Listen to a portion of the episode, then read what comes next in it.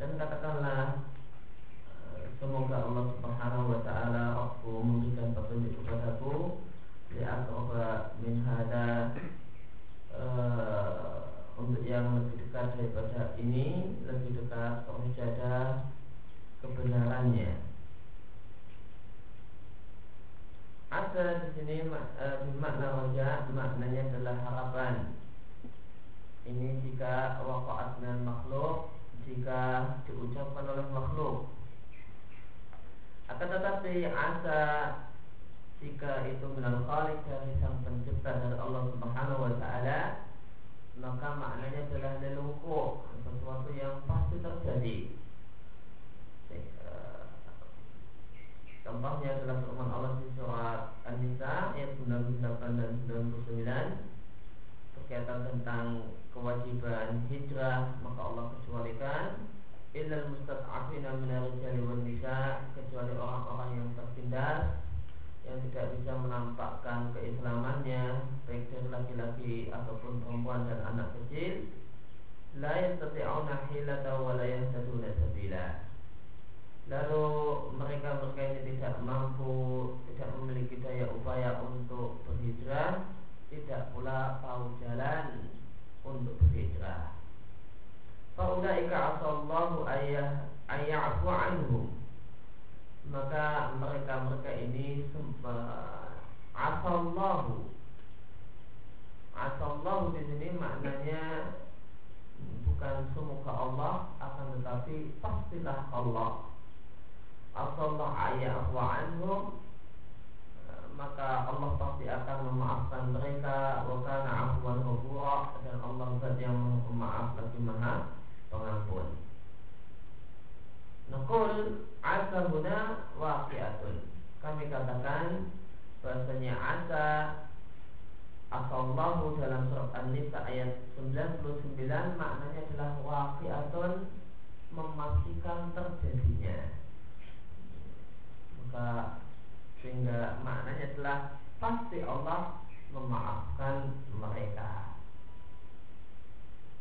Contoh yang lain adalah firman Allah di surat At-Taubah ayat 18, "Inna ma ya'muru masajidallahi man amana billahi wal yawmil akhir wa aqama sholata wa ata zakata wa lam yakhsha illallah."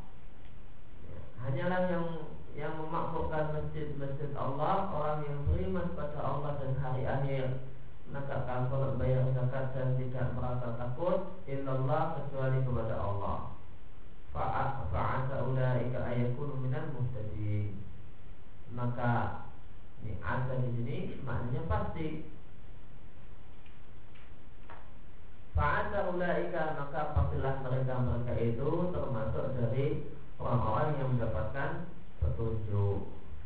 Adapun kalimat kata-kata asa minal insan dari manusia maka maknanya adalah harapan alias semoga Wakul asa ayah jadi Rabbi Asa di sini liroja Asa di sini artinya adalah semoga dan katakanlah semoga Allah Rabbku memberikan petunjuk kepada aku Ayah dia di Rabbi artinya ya duluni alat ila tariqi menunjukkan kepadaku kepada jalan liatroba min hada rasyada ya, untuk yang lebih dekat ke, uh, kebenarannya daripada uh, min hada dari hal ini hidayatan wa taufiqan lebih dekat taufiknya dan lebih dekat hidayahnya Waqat fa'alallah dan Allah pun telah melakukannya maka Allah Subhanahu wa taala telah memberikan hidayah petunjuk kepada Nabi Muhammad sallallahu alaihi wasallam eh, tentang Ashabul Kahfi Allah berpetunjuk lurusdi pengetahuan yang benar Maka di sini kita dapatkan kaidah tentang e, makna kata asa dalam Al-Quran. Jika asa itu Allah ucapkan, maka maknanya adalah Namun jika asa itu diucapkan oleh makhluk atau Allah perintahkan agar makhluk mengucapkannya, maka asa maknanya adalah harapan atau semoga. Kemudian lanjutannya ayat ayat yang ke-25 dari surat Al-Kahfi wala bi kahfi salata mi'atin sinina bid'ah. Dan mereka ashabul kahfi itu tinggal di gua atau tidur di dalam gua mereka selama 300 ditambah 9 yaitu 309 tahun. Mereka di sini wawunya kembali kepada ashabul kahfi maka mereka para ashabul kahfi itu tinggal di dalam kahfi mereka yang mereka pilih untuk diri mereka dan mereka tidur di dalamnya salah kami adin selama 300 maka eh, kemudian di sini Zain Muslimin membahas tentang cara penulisan angka 300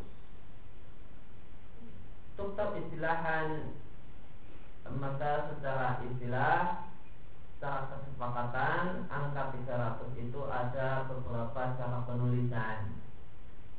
Pertama tiga ya, tiganya ya, faknya tiga digandeng dengan memnya 100 salah kami ada artinya angka tiga digandeng dengan angka mi'ah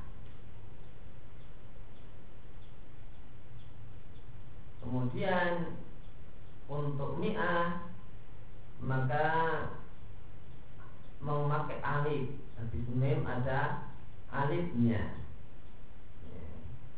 Ya habis mim ada alifnya. Namun alifnya tidak diucapkan.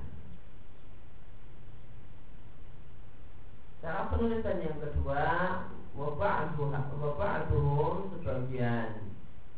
Ya, sebagian orang menulis tiganya sendiri, seratusnya sendiri. Seratusnya salah salatonnya dipisah dari mi'atun.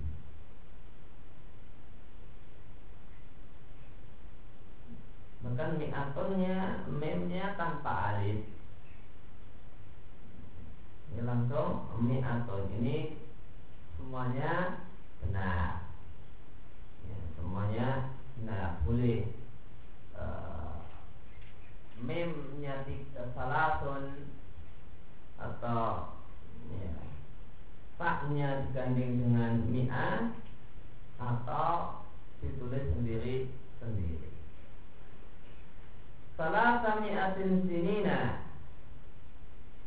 Mi'atin di sini dengan tanwin Kemudian sinin di sini ya, ya mansub sebagai tamyiz yang menjelaskan tentang besaran 300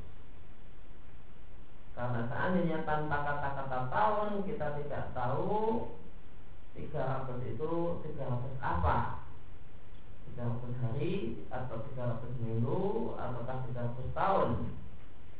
Maka setelah Allah katakan sini maka jelaslah apa yang Allah maksudkan Wasdatu tis'a ditambah sembilan. Maka di samping 300 ditambahkan 9 tahun. Hingga jadilah mereka tinggal di dalam kahfi dalam kuat selama 309 tahun. Jika ada yang bertanya kenapa Allah tidak katakan langsung Kenapa pakai tambahan kata-kata isdadu Yang artinya bertambah. Maka jawabannya ya semuanya maknanya sama. Mau ditambah isdadu ataukah tanpa isdadu yang artinya bertambah maknanya ya 309 akan tapi Al-Quranul Azim adalah adalah kitabin adalah kitab yang sangat luar biasa. Maka dalam rangka supaya akhir ayatnya itu sama karena usul ayat agar akhir ayat itu jatuhnya sama maka dibuatlah kalimat ya, uh, agar akhir ayat itu jatuhnya sama dengan ayat sebelumnya maka dibuatlah model kalimat semacam ini. Salah kami asin sinina wasdatu tis'ah ini jawaban yang tepat untuk rahasia kenapa ada kata-kata isdadu. Ya, supaya tanasuk usul ayat. Supaya e, jatuhnya ayat-ayat itu sama di ayat 25 di sini ini wastastu tis'at ayat 24 li akroba min hada rosyada semuanya jatuh fathah ini jawaban yang tepat untuk e, kenapa ada kata-kata izdadu. Ada jawaban yang lain, namun jawaban yang lain ini dinilai oleh penulis jawaban yang tidak tepat. Walai kata makalah dulu Tidak sebagaimana penjelasan sebagian orang yang mengatakan bahasanya masa tinggal asabul kahfi itu kalau pakai tahun samsiah eh, itu 300 tahun. Akan tapi jika akan tapi masa tinggal ashabul kahfi ini jika dihitung dengan tahun komariah maka masa tinggalnya 309 tahun ada orang yang menjelaskan uh, kenapa ada kata-kata apa uh, rahasia dibalik kata-kata izdadu di ayat ini dengan penjelasan semacam ini. Biasanya ashabul kahfi itu masa tinggalnya kalau dihitung pakai samsiah itu cuma 300 kalau pakai komari yang 309 tahun. Namun penjelasan semacam ini kata penulis tidak tepat. Apa alasannya tidak tepat? Fa'innahu la yumkinu karena tidak mungkin kita bisa memastikan bahasanya itulah yang Allah kehendaki. Siapa yang berani memastikan bahasanya Allah Subhanahu wa taala menghendaki makna semacam ini? Meskipun ternyata kalau dihitung-hitung 300 tahun Samsiah itu sama dengan 309 tahun Komaria maka kita tidak mungkin untuk memastikan bahasanya itulah yang Allah kehendaki. Disebabkan perhitungan tahun di sisi Allah itu satu. Dan apa alamat yang Allah gunakan untuk dasar perhitungan tahun? Menurut Allah Jawabannya yang Allah pakai hanyalah hilal. Oleh karena itu Mengatakan bahwasanya makna ayat eh, bahwasanya Ashabul Kahfi itu tinggal di dalam gua selama 300 tahun menurut perhitungan tahun Samsiah dan 309 tahun menurut perhitungan tahun berdasarkan rembulan adalah kaulun ta'ifun adalah pendapat yang lemah. Sisi kelemahannya ada dua alasan. Alasan pertama, tidak mungkin bagi kita memastikan bahasanya inilah yang Allah kehendaki. Siapa yang berani memastikan dan apa dasar dia memastikan? Dari mana dia tahu Allah menghendaki makna semacam itu? Kemudian pertimbangan yang kedua bahasanya perhitungan rembulan dan tahun di sisi Allah itu adalah dengan hilal. Bagaimana firman Allah di surat Al-Baqarah? Ya, Allah berfirman eh, firman Allah Subhanahu wa taala di surat Yunus dan surat di surat Al-Baqarah. Ini salah cetakannya. Walladzi ja'ala syamsa nura. Ini firman Allah di surat Yunus. Kita pernah kita pernah ayat berapa? Hah? Yunus ayat di mana? syadian wal qamara nura. Surat Yunus ayat 5 Allah Subhanahu wa taala berfirman, Dialah Allah zat yang menjadikan matahari siaan wal dan menjadikan rembulan bercahaya. Maka Allah Subhanahu wa taala bedakan antara cahaya matahari dan cahaya rembulan. Kalau cahaya rembulan disebut nuran, sedangkan cahaya matahari disebut diaan. Semuanya maknanya cahaya. Dia maknanya cahaya.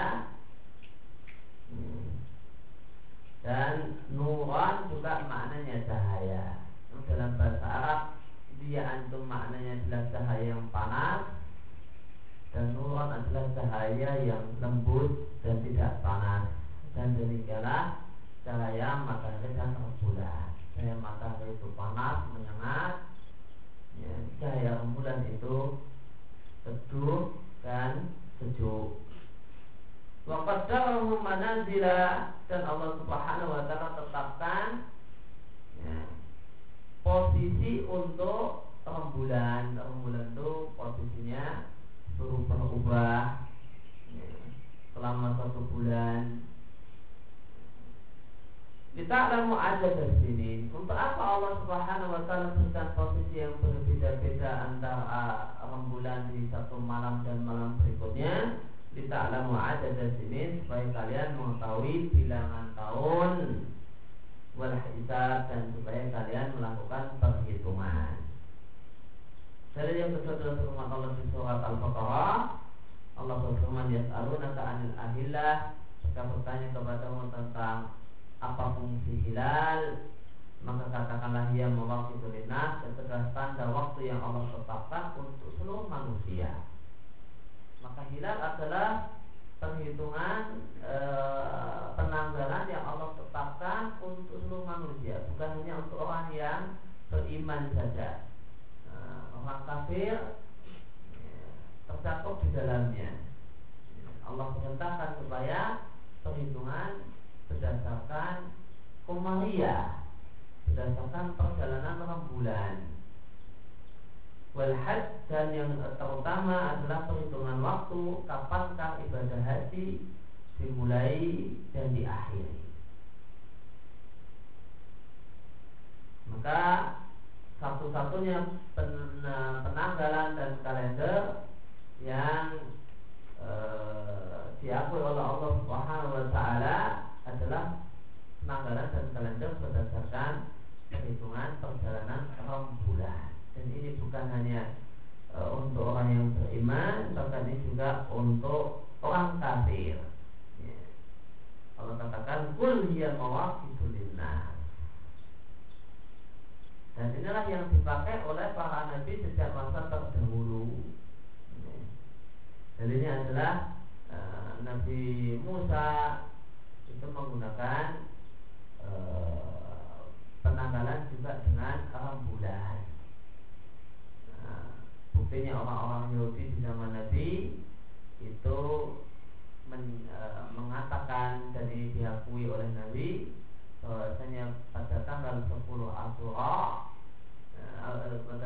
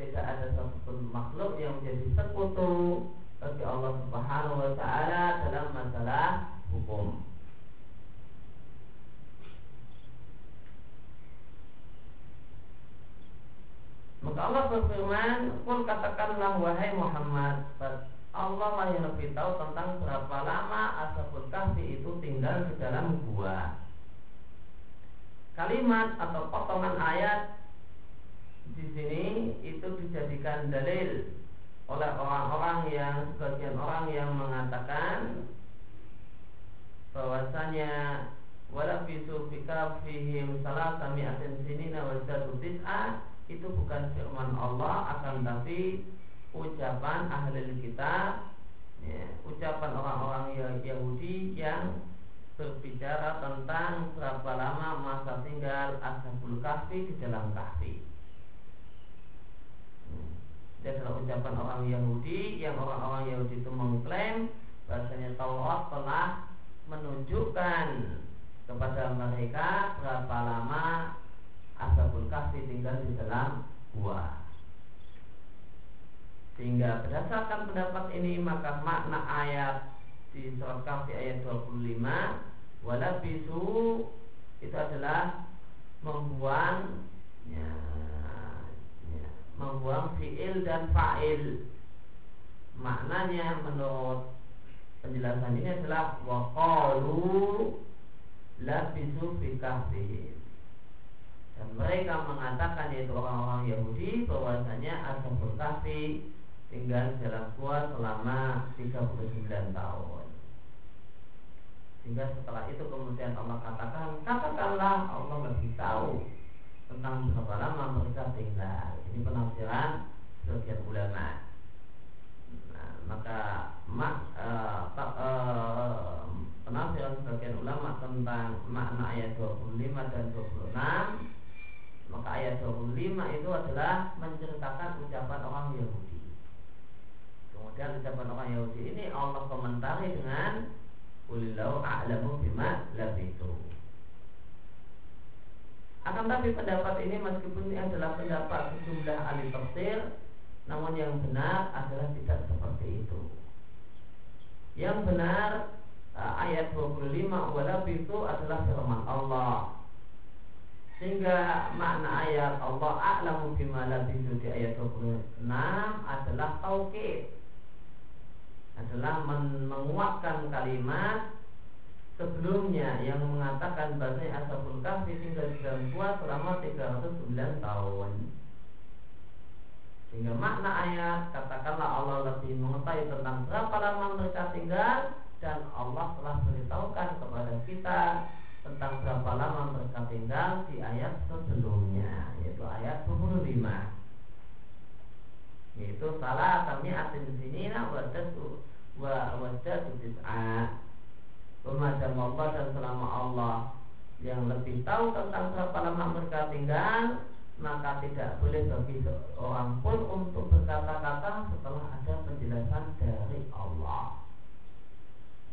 Ini makna yang benar untuk ayat 25 dan 26 ayat 25 adalah firman Allah sehingga kata-kata di awal ayat 26 Allahu a'lamu bima itu itu adalah menegaskan kalau kita tidak boleh berpendapat aneh-aneh setelah kita akui bahwasanya dalam masalah ini Allah yang lebih tahu dan Allah telah memberitahukan kepada kita ya, berapa lama uh, ada bekas itu tinggal maka maknaan semacam ini setelah kita pernah sampaikan di pertemuan yang lewat uh, kita contohkan dengan ayat uh,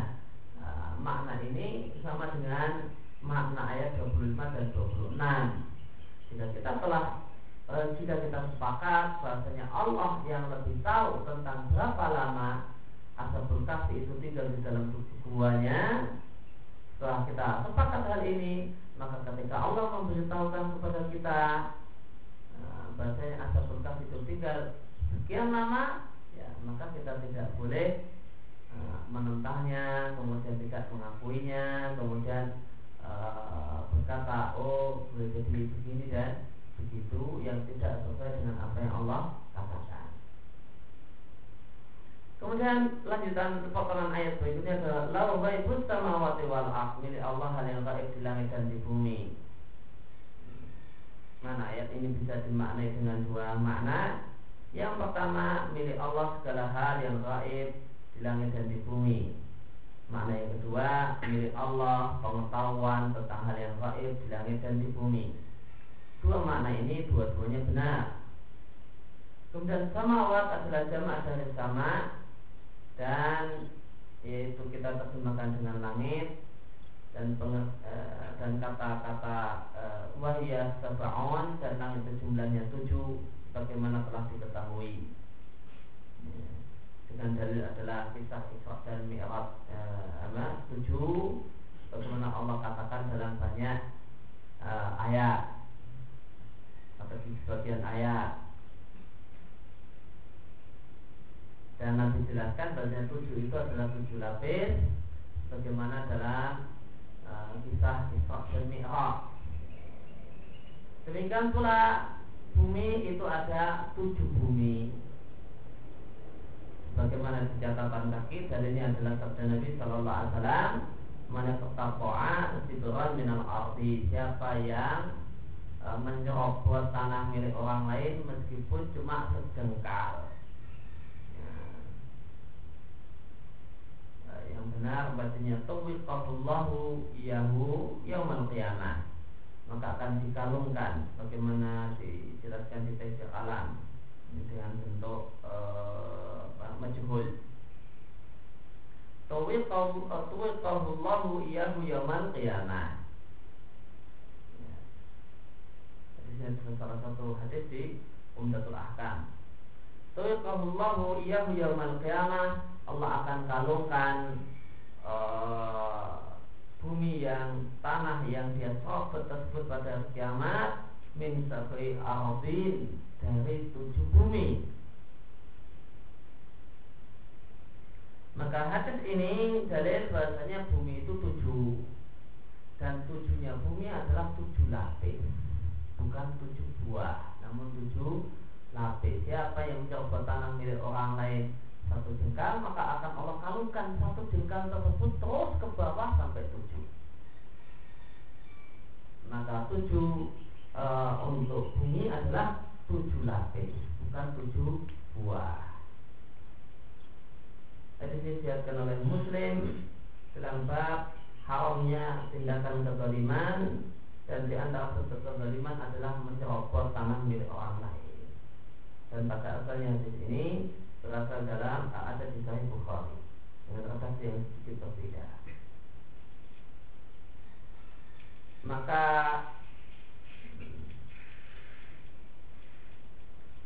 Kalau ya'lamul ghaibah maka tidak ada yang mengetahui hal yang gaib, ilmu e, pengetahuan tentang hal yang gaib di langit dan di bumi kecuali Allah. Oleh karena itu, dukun, ya, ramal itu kafir Melihat oleh karena itu siapa yang mengaku-ngaku mengetahui hal yang gaib bahwa kafirun maka dia kafir. Maka dukun ramal yang mengaku-ngaku menebak-nebak masa depan ya, ya, statusnya dalam Islam orangnya seorang kafir yang masih tidak boleh disolatkan ya, dan seterusnya Nah mengaku-ngaku yang gaib yang seperti apa? Yang hukumnya kafir. Jawabannya adalah bil gaib al mustaqbal perkara gaib dalam artian masa depan. Adapun kejadian yang terjadi sekarang atau kejadian yang telah terjadi maka siapa yang mengakui dua hal ini maka tidak kafir. Liana ada syai karena kejadian ini telah terjadi karena telah terjadi maka ada orang ada sebagian orang yang tahu dan ada sebagian orang yang tidak tahu. Akan tapi hal yang gaib dalam artian masa depan maka tidak tidak ada yang tahu kecuali Allah. Oleh karena itu siapa yang mendatangi dukun ramal ya. Kemudian si dukun ramal menceritakan kepada pasiennya tentang masa depan dan si pasien percaya maka si pasien juga kafir kepada Allah Azza wa Jalla. Dukunnya kafir karena dia mengaku-ngaku mengetahui masa depan. Nah, pasien yang percaya dengan ramalan masa depan si dukun juga kafir kok, kok bisa kafir apa penjelasannya li'annahu kadzibun karena dukun dan orang yang percaya ramalan masa depan dari dukun berarti mendustakan dan tidak beriman dengan firman Allah di surat An-Naml ayat 65 katakanlah tidak ada satupun makhluk di langit dan di bumi yang tahu hal yang gaib yang tahu masa depan. Illallah ilahnya di sini. Istisna mungkotek di makna lakinna.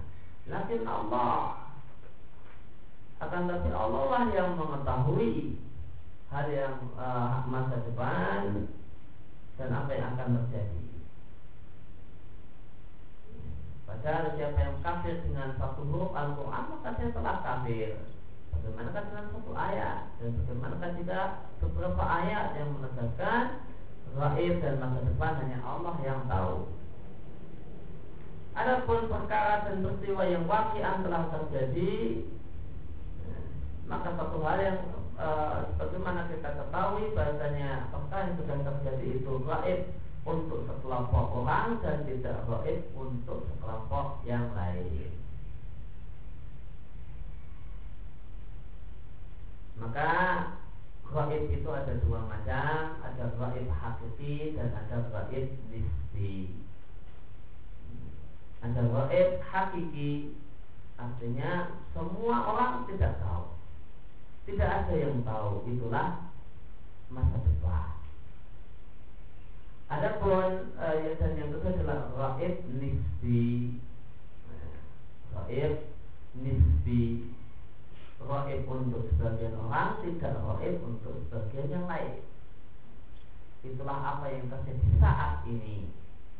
Saat ini di bundaran UGM sedang terjadi apa kita yang di sini tidak tahu. Maka gaib untuk kita. Namun tidak gaib bagi orang-orang yang ada di sana. Maka itu gaib cuma untuk kita dan tidak gaib untuk orang lain. Demikian eh, demikian juga apa yang telah terjadi. Ini gaib untuk orang-orang yang eh, tidak gaib untuk orang-orang yang mengetahuinya. Dan gaib untuk orang-orang yang tidak mengetahuinya. Ya.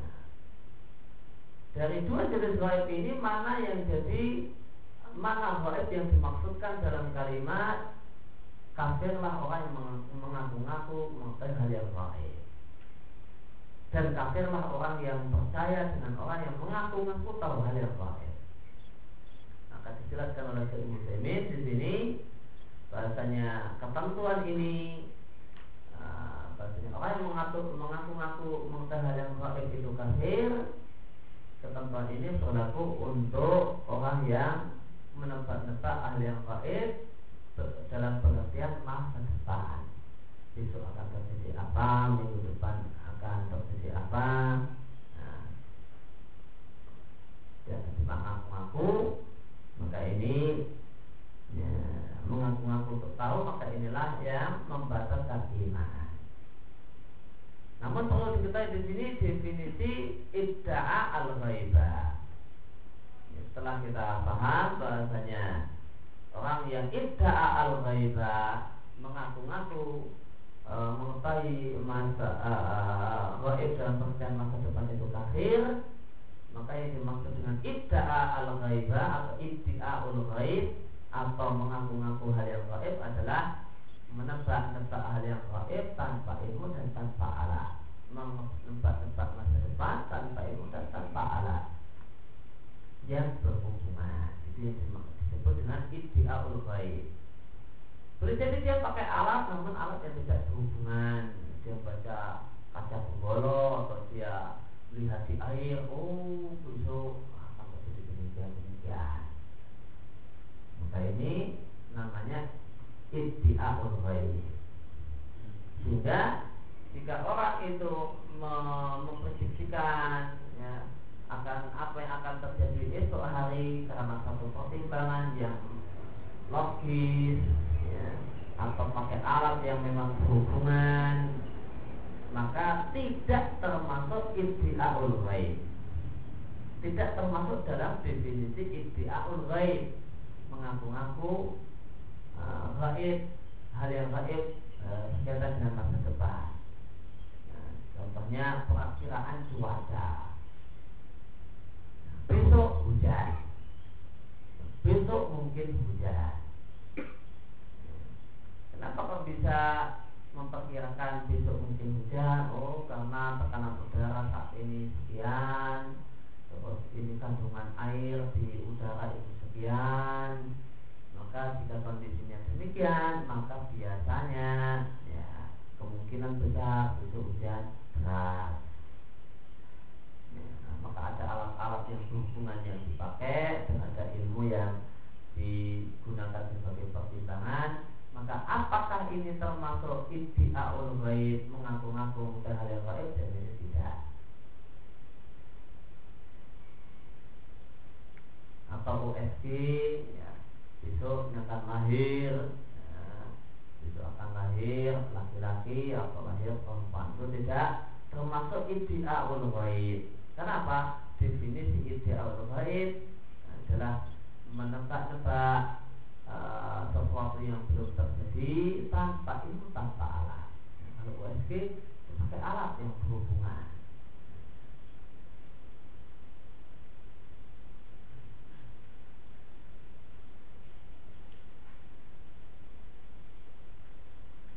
Apa terbi wa asmi ya, Kalimat ini Dalam bahasanya orang Nahwu disebut Fi'il ta'adub ya, Kalimat menunjukkan ke keheranan eh, pengaguman.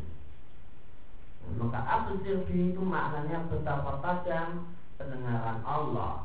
Wa asmi dan betapa uh, sirbi betapa tajam penglihatan Allah. Wa asmi dan betapa tajam pendengaran Allah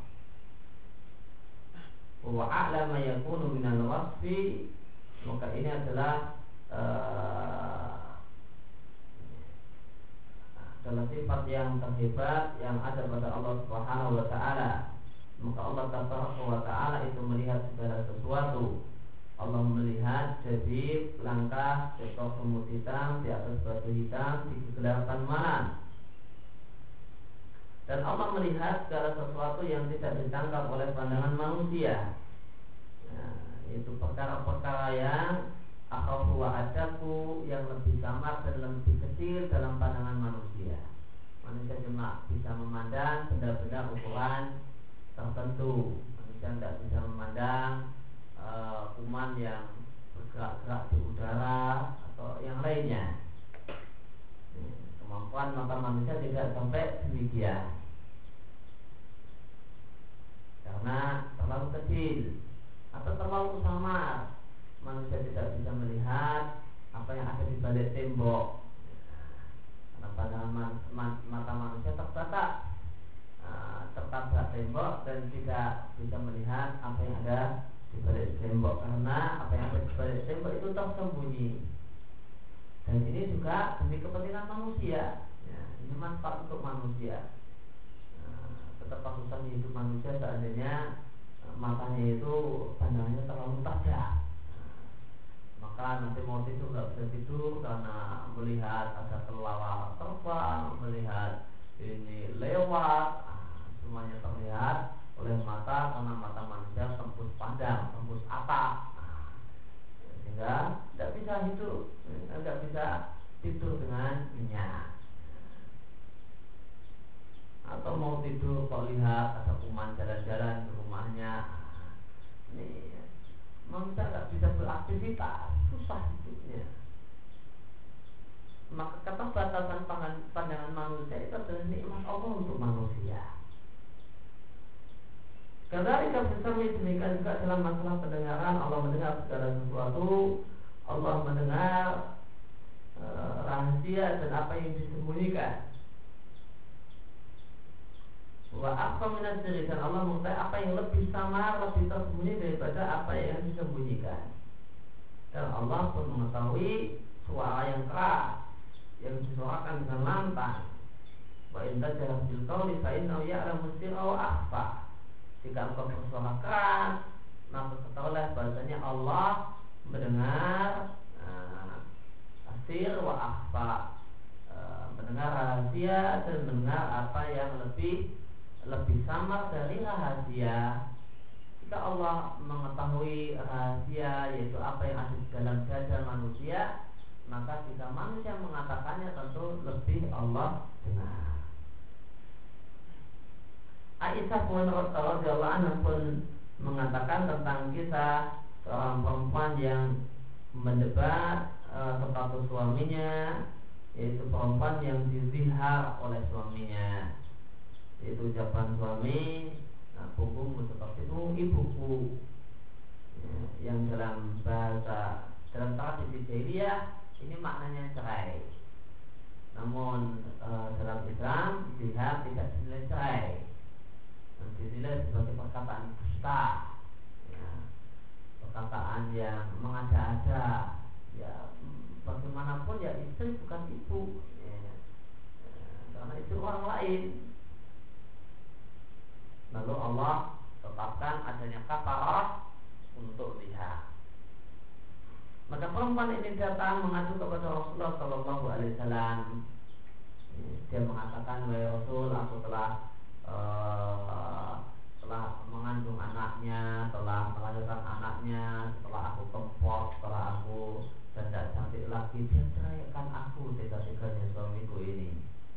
Ya, karena lihat dalam tradisi jahiliyah adalah perceraian.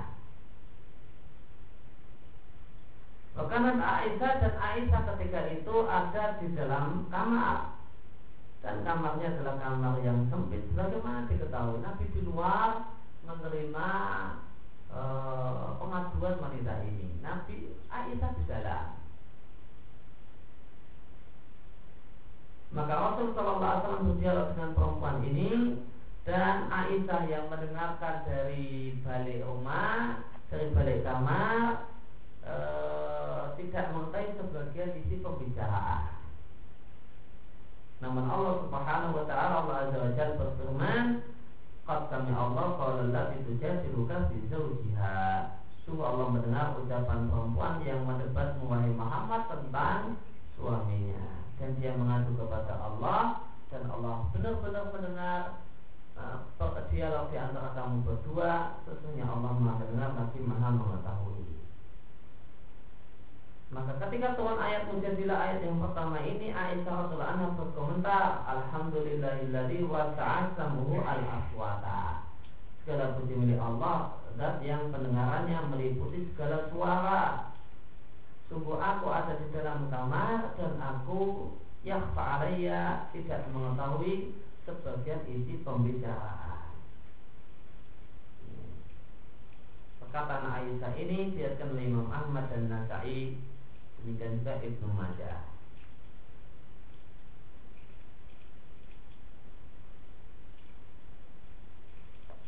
Ya, dalam riwayat-riwayat ini lebih lengkap daripada riwayat yang ada di Bukhari. Jadi akhirnya riwayat yang ada di Bukhari namun tidak selengkap ini. Eh, redaksi mereka Imam Ahmad dan yang lainnya Aisyah radhiallahu anha mengatakan alhamdulillahilladzi wasi'at samuhu al aswata segala puji milik Allah zat yang pendengarannya meliputi segala suara. Laqad ja'atil mujadilatu ila Nabi sallallahu alaihi eh, sungguh datanglah perempuan yang mendebat tentang suaminya kepada Nabi sallallahu alaihi wasallam wa ana fi bait. Dan aku ada di salah satu pojok rumah. Tasku zaujaha dia mengadukan suaminya dan aku ma'as ma'umma takul Aku tidak mendengar apa yang dia katakan. Namun setelah itu Allah turunkan ayat Qad sampai Allah Sungguh Allah mendengar Ucapan perempuan yang mendebatmu tentang suaminya Maka Allah mendengar segala suara pada Allah Di atas segala makhluknya Meskipun demikian Allah mendengar ucapan perempuan tersebut dan dialog perempuan itu dengan Rasulullah SAW. Maka dalam ayat ini terdapat kewajiban beriman bahasanya Allah adalah zat yang memiliki pandangan yang tajam sehingga tidak ada satupun yang terlepas dari pandangan Allah. Demikian juga berdasarkan ayat ini kita punya kewajiban untuk beriman bahasanya pendengaran Allah adalah pendengaran yang tajam sehingga tidak ada satupun yang lepas dari pendengaran Allah. Dan iman dengan hal ini yang tadi mengharuskan seorang manusia untuk tidak menampakkan, memperlihatkan kepada Allah amal-amal yang Allah benci dan tidak memperdengarkan kepada Allah ucapan-ucapan yang Allah benci. Karena jika anda yakin, anda sadar banyak bahasanya amal apa pun akan dilihat oleh Allah. Dan jika kita yakin bahasanya jika anda berkata dengan perkataan apa pun maka Allah mendengarnya. Maka hal ini mengharuskan kita e, Mengharuskan anda untuk merasa takut kepada Allah Dan tidak berbuat dengan suatu perbuatan yang Allah benci Dan tidak mengucapkan suatu ucapan yang Allah benci Akan tetapi sungguh iman e, banyak dari kita itu lemah ya, maka kita jumpai banyak orang pada saat dia ingin untuk mengucapkan satu perkataan atau melakukan satu tindakan tidak terlintas dalam hatinya bahasanya Allah mendengar ucapannya dan melihat perbuatannya banyak orang yang tidak e, ingat dengan hal ini kecuali jika diingatkan maka kelalaian manusia itu banyak atau sering terjadi maka wajib atas kita semua uh, untuk memperhatikan permasalahan yang penting ini. Malam min dunihi waliyin min waliyin tidak ada bagi mereka pelindung selain Allah Subhanahu wa taala. Siapa yang dimaksud dengan mereka dalam ayat ini? Apakah ashabul kahfi ataukah makhluk di langit dan di bumi yang gaib di langit dan di bumi? Maka jawabannya ma, ma, kemungkinan makna yang kedua itulah sebuah keharusan sehingga makna ayat tidak ada satu e, tidak ada bagi satupun manusia satupun makhluk di langit dan di bumi pelindung selain Allah. Sampai-sampai orang kafir pun pelindung mereka adalah Allah azza wa jalla. Demikian pula orang-orang yang beriman pelindung mereka adalah Allah azza wa jalla. Allah Subhanahu wa taala berfirman hatta idza jaa ahadukumul mautu tawafathu rusuluna wa hum la yufarritun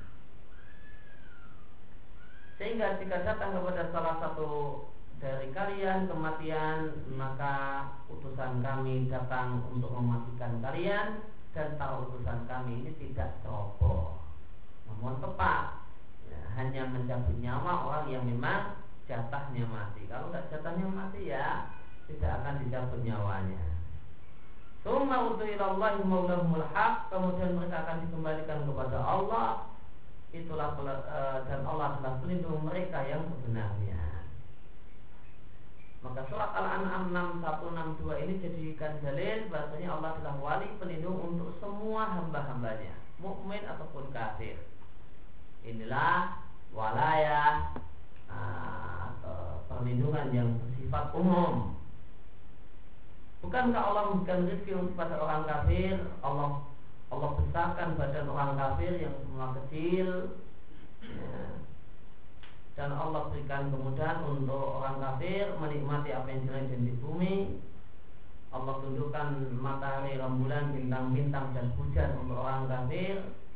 Ya, maka itulah bentuk dari walaya, bentuk dari e, kecintaan Allah dan perlindungan Allah kepada semua orang kafir, semua manusia termasuk kafir. Namun demikian juga Allah Subhanahu wa taala memberikan perlindungan khusus untuk orang-orang yang beriman. Apa Allah juga memberikan perlindungan khusus untuk orang yang beriman dalam hal di hal di atas masalah rezeki, hujan dan seterusnya. Dan ini adalah walaya kecintaan yang bersifat umum. Dan yang kedua ada walaya al khasah kecintaan yang bersifat khusus. Nah ini hanya untuk orang-orang yang beriman. Itulah yang Allah maksudkan di surat Al-Baqarah. Allah adalah wali pelindung dan zat yang mencintai orang-orang yang beriman Allah keluarkan orang yang beriman dan tumpukan kegelapan menuju cahaya sedangkan orang-orang kafir wali mereka adalah tohut tohut dalam ayat ini maknanya setan yukhrijunahum minan nuri ila dhulumat setanlah yang mengeluarkan mereka dari cahaya fitrah menuju tumpukan kegelapan, kekafiran dan yang lainnya. Maka walaya al khawfa kecintaan khusus ini konsekuensinya adalah adanya perhatian khusus. Apa perhatian khusus yang Allah berikan ke orang yang beriman? Allah bimbing langkah-langkah hamba yang beriman. Allah bukakan untuknya pintu-pintu ilmu yang manfaat dan amal saleh. Itulah itulah yang dimaksud dengan yukhrijuhum minal zulumati ila nur. Allah keluarkan orang-orang yang beriman dari tumpukan kegelapan menuju cahaya. Gimana cara Allah keluarkan? Bil ilmi, dengan ilmu. Nah. Dan yang kedua adalah dengan taufik. Maka Allah uh, ajari orang yang beriman ini yang pertama. Setelah itu Allah keluarkan yang kedua dengan taufik.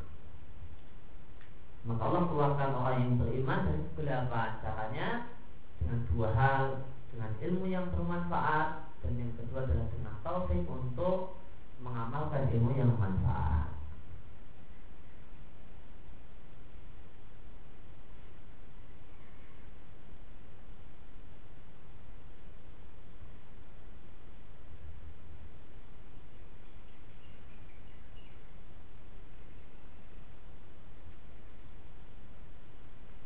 Maka di sini malahum uh, min waliyin min dunihi min waliyin di sini ada min tambahan min waliyin seandainya tanpa min tambahan maka maknanya sebenarnya sudah benar.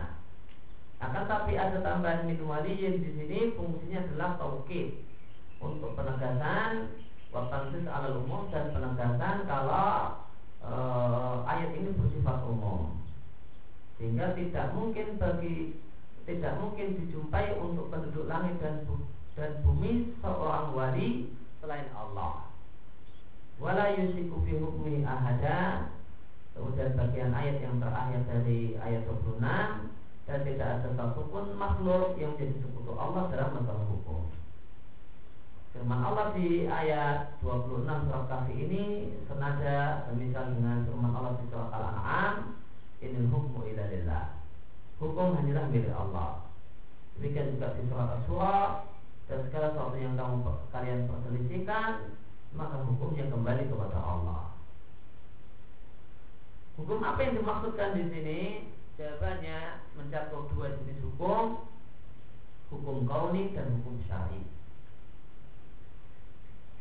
Seluruhnya adalah milik Allah dan tidak ada satupun makhluk yang jadi sekutu Allah dalam dua hukum ini. Hukum kauni sama dengan takdir takdir orang ini sakit, orang ini sembuh, orang ini kecelakaan, orang ini selamat. Ya. Nah, itu hukum kauli, takdir. Tidak ada yang menjadi pesaing Allah dalam menetapkan takdir. Allah satu-satunya menetapkan takdir. Demikian juga hukum syar'i halal haram, ini halal ini haram.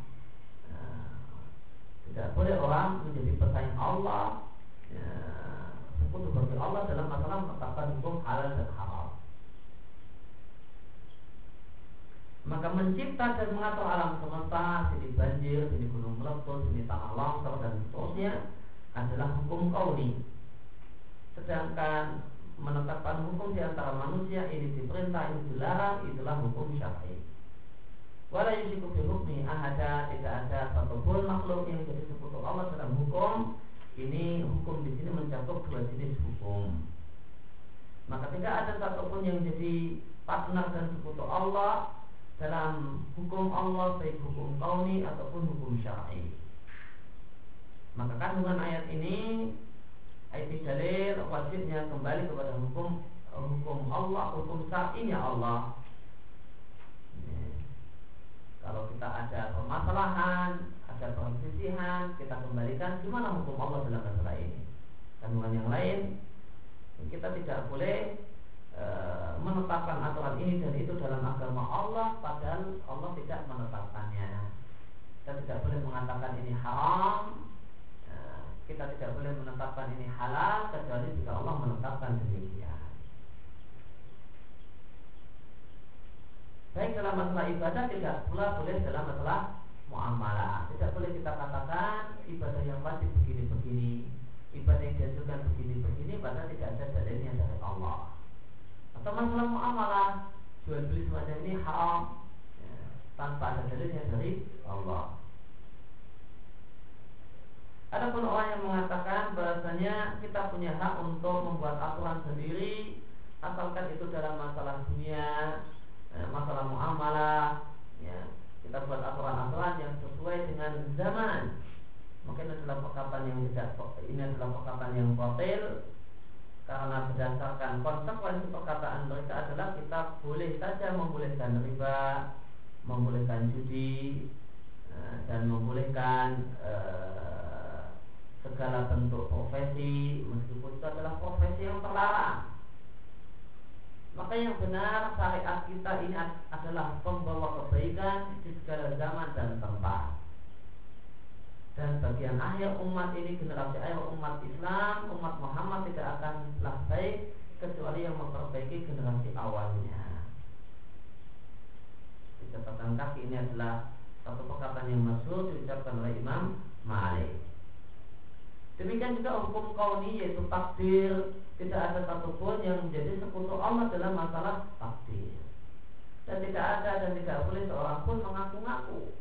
Dialah yang menakdirkan ini sakit, ini sembuh, sana banjir, ini tanah longsor. Apakah ada satu makhluk yang mampu menurunkan hujan dan apakah ada mampu satu makhluk yang bisa menahan langit dan bumi untuk tidak bergeser dan tidak jatuh? Tidak ada.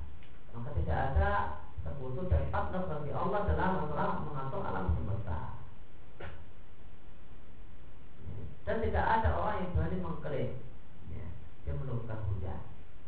Akan tapi hukum syar'i itulah yang diperselisihkan oleh manusia. Sebagian manusia mengklaim bahasanya dia punya hak untuk membuat aturan ini dan itu untuk manusia yang dia nilai itulah yang cocok untuk manusia. Kalau untuk hukum kauni, ya semua manusia sepakat.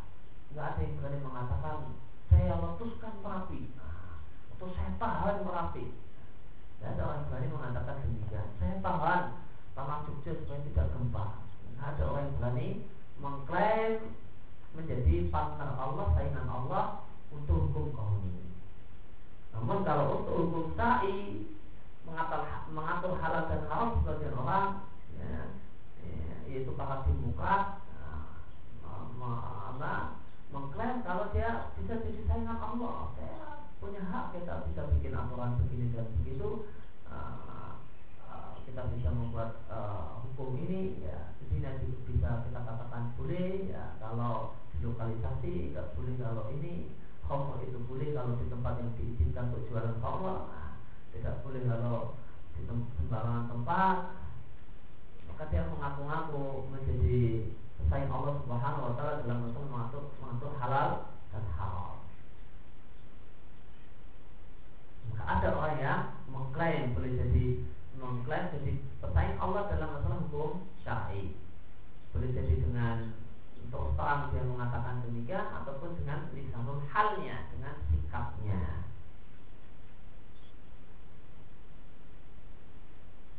Namun yang benar pada hukum syar'i kita hanya uh, kita kembali kepada Allah Subhanahu wa taala apa aturan Allah Subhanahu wa taala dalam masalah ini. Baik masalah ibadah ataupun masalah muamalah semuanya kembali kepada Allah Subhanahu wa taala.